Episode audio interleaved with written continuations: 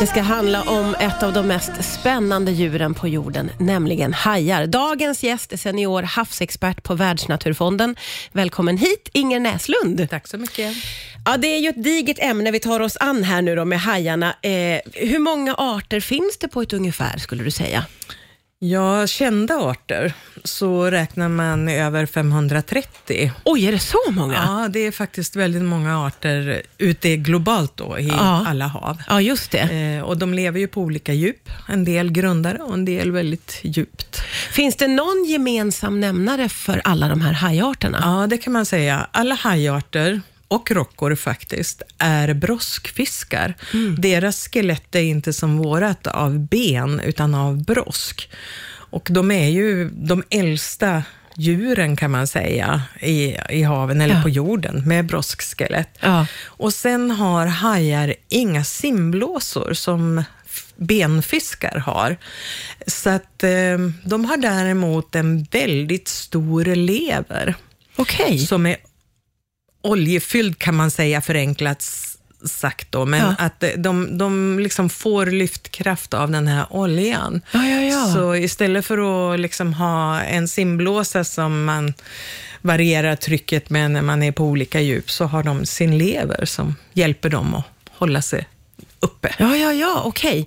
Eh, och du har ju sagt här nu då att de finns lite överallt, eller kan man säga vart de lever på jordklotet? Ja, man kan väl säga att kanske största delen av alla arter lever mellan de, de här subtropiska zonerna och i ekvatordelen. Ja. Men eh, vi har hajar här uppe i svenska vatten och man har hajar söder om Sydafrika och Sydamerika ner mot Antarktis. Ja. Och vi har hajar i Arktis. Så egentligen så finns de över hela jorden, men de kräver för det mesta saltvatten. Okej. Vi har ju inga hajar i Östersjön. Nej. Ibland simmar någon in av misstag, Man men de fel. stannar ju inte där. Nej. Vad är det för hajar som finns i svenska vatten då? Ja, några arter som jag kan nämna, det är ju den här otroligt fina, söta, lilla, småfläckiga rödhajen som är skyddad, men ändå ganska vanlig på västkusten. Ja. Pigghajen är ju en sån eh, haj som man nu Tyvärr, säger jag, får fiska igen, men man har under många år inte fått fiska den. Men eh, nu får man i Sverige fiska fem ton per år. Okej. Och det beror nog mest på att de har fått ganska mycket pigghaj som bifångst i andra fisken. Ja, ja, ja. Men sen har vi brugden som är ju en Ja, stor, just det. En jätte. en jätte. Hur vanlig är den? Den är inte så vanlig i svenska vatten, men den kommer in och hälsar på. Så om man är ute och simmar eh, på västkusten på sommaren och, och möter ett jättegap, så får man ju bara tänka att den är helt ofarlig. Men om man simmar och möter en brugd alltså, det är ju ändå lite skräckupplevelse, Ja, det tänker jag. vore, vore fantastiskt. Du säger havsexpert. Ja, men jag tror att, att det blir lite läskig upplevelse också. Verkligen. Eh, hårkärringen är ju också stor Ja. och sen har vi även en storfläckig eh, rödhaj. Och vi har, eh, ja, vi har eh, det är rätt mycket rävhaj. haj. Ja, i våra de, svenska De vanligaste vatten. är ju de här små fläckiga pigghajen Ja. och eh, brugden som kommer in ibland och Just det. storfläckiga. Men sen kommer det ju in rävhaj eller nor- nordlig hundhaj. Och ibland så, så kommer ju liksom flera besök av, eh, av den här hårkärringen, som också kallas för ishaj, för den finns uppe i Arktis Ja, ja, ja, också. det är den som klarar av lite och kallare den kan, klimat. den kan bli väldigt gammal. Den Ja. kan bli upp mot 400-500 år gammal. Ja, det är ju helt vansinnigt. Ja, är- Idag så pratar vi om hajar. Det är Inger Näslund som gästar senior havsexpert på Världsnaturfonden. Och det finns ju så himla mycket frågor att ställa kring hajen. Hur intelligenta är de, skulle du säga? Ja, det är väldigt svårt att, att säga att de är intelligenta, men de lär sig snabbt saker och eh, de har ju eh, en, en bra förmåga att registrera. Eh, och de, de, man brukar ju säga att de har ett sjätte sinne. Ja, vad är det för någonting? Jo, det är alltså ett, eh, vad ska man säga, ett elektriskt organ förenklat sagt, som sänder ut signaler som de kan känna av sin omgivning och de kan känna av sina byten.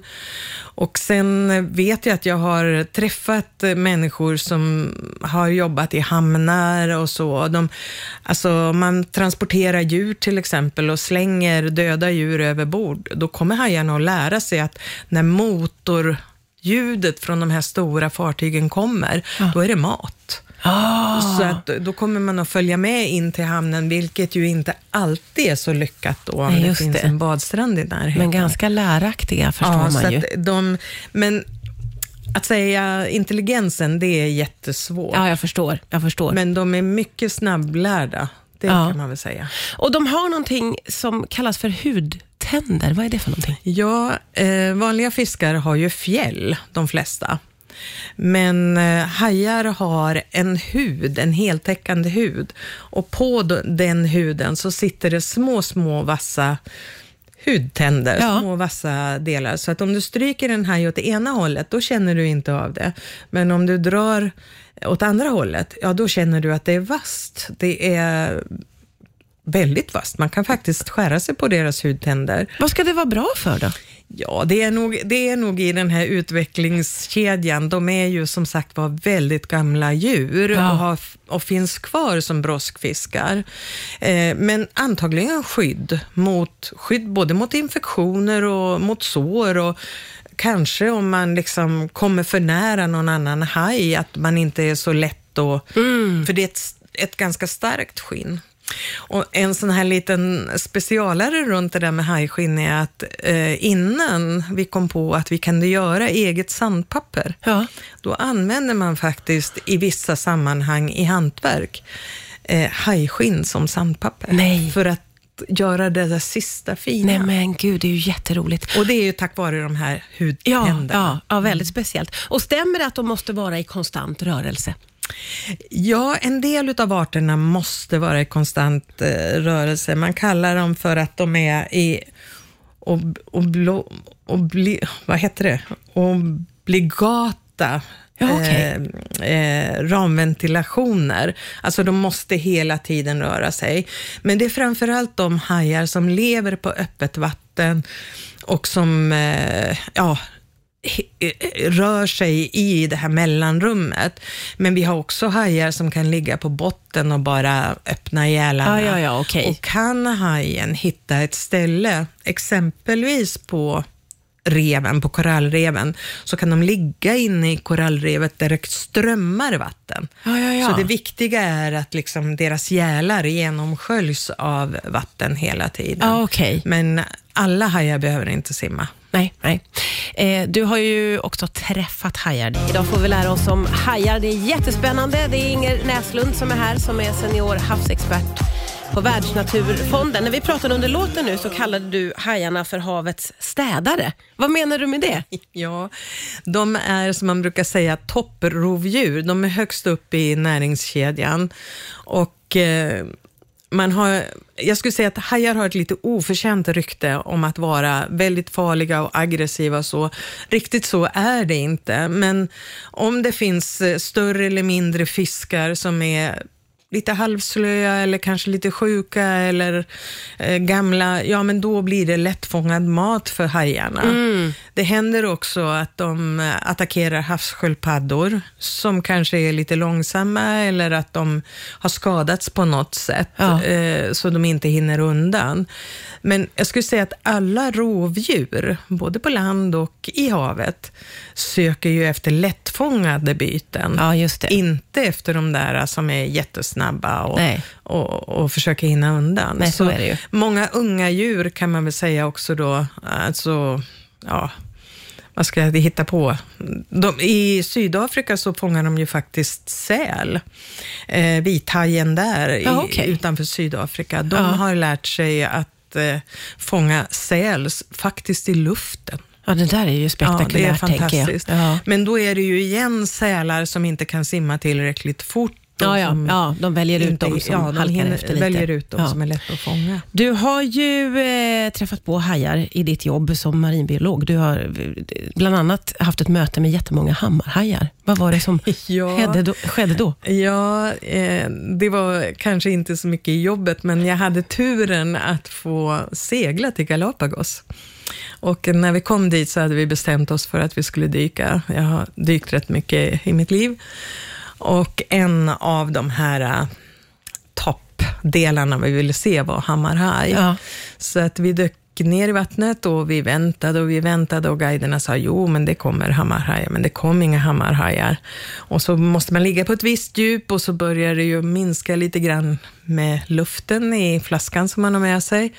Så vi var nästan på väg att ge upp. Ja. Och då kom alla de här hammarhajarna. Hur många var det? Ja, det var ett 30-tal och då kan jag säga att även om jag inte tycker att hajar är farliga eller så, så då bultar hjärtat lite extra, både av det fantastiska att få se dem, Ja. men också av det här, hmm, vad ska de ta vägen nu? De är så många och vi är bara fem personer. Men vad gjorde hajarna då? Nej, de kommer in där i det här området och letar mat och de var ju ganska djupt under oss, Ja. en 15 meter under vad vi var. Okej.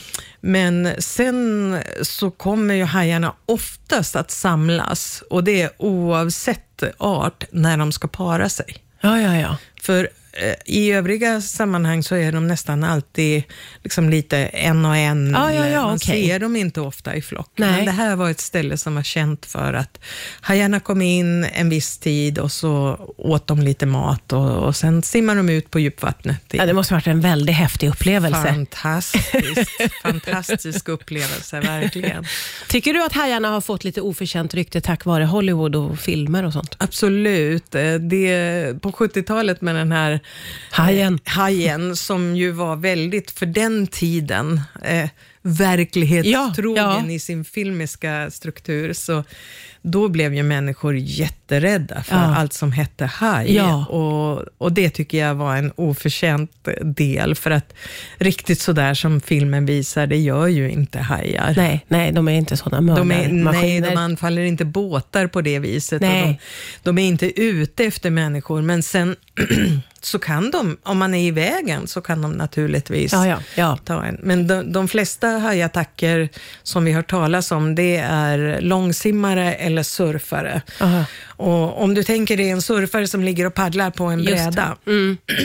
då ser man ut, vi tycker vi är smidiga i vattnet, Ja, men vi liknar... men vi, är ganska, vi ser ut som skadeskjutna djur. ja, ja, ja. när vi Så det är det simmar. som kanske triggar Ja, igång det är det som triggar. i så fall. Och, och ja. då, då händer det ju, framförallt runt Australien och USAs kust, att det, det ja. förloras något ben eller någon arm, men de flesta överlever ju. ja, just det. Ja. Och, eh, ja, jag såg en siffra på att man räknar statistiskt att kanske 10 människor per år Ja, okej. drabbas Ja, ja, just av det. hajdöd. Ja, ja. Men det är ju ingenting jämfört med hur många hajar vi som människor dödar per år. Hur många hajar dödar vi Ja, år? då får vi ju räkna miljontals Ja, hajar. okej. Alltså vi är farligare mot hajen än vad de är mot och det är både i man- bifångst och i riktat hajfensfiske som är illegalt. Ja, just det. Vi Ja. måste verkligen börja värna om hajarna. Ja, det får bli slutordet. Jätteroligt att du kom hit. Tack snälla Inger Näslund. Tack så mycket.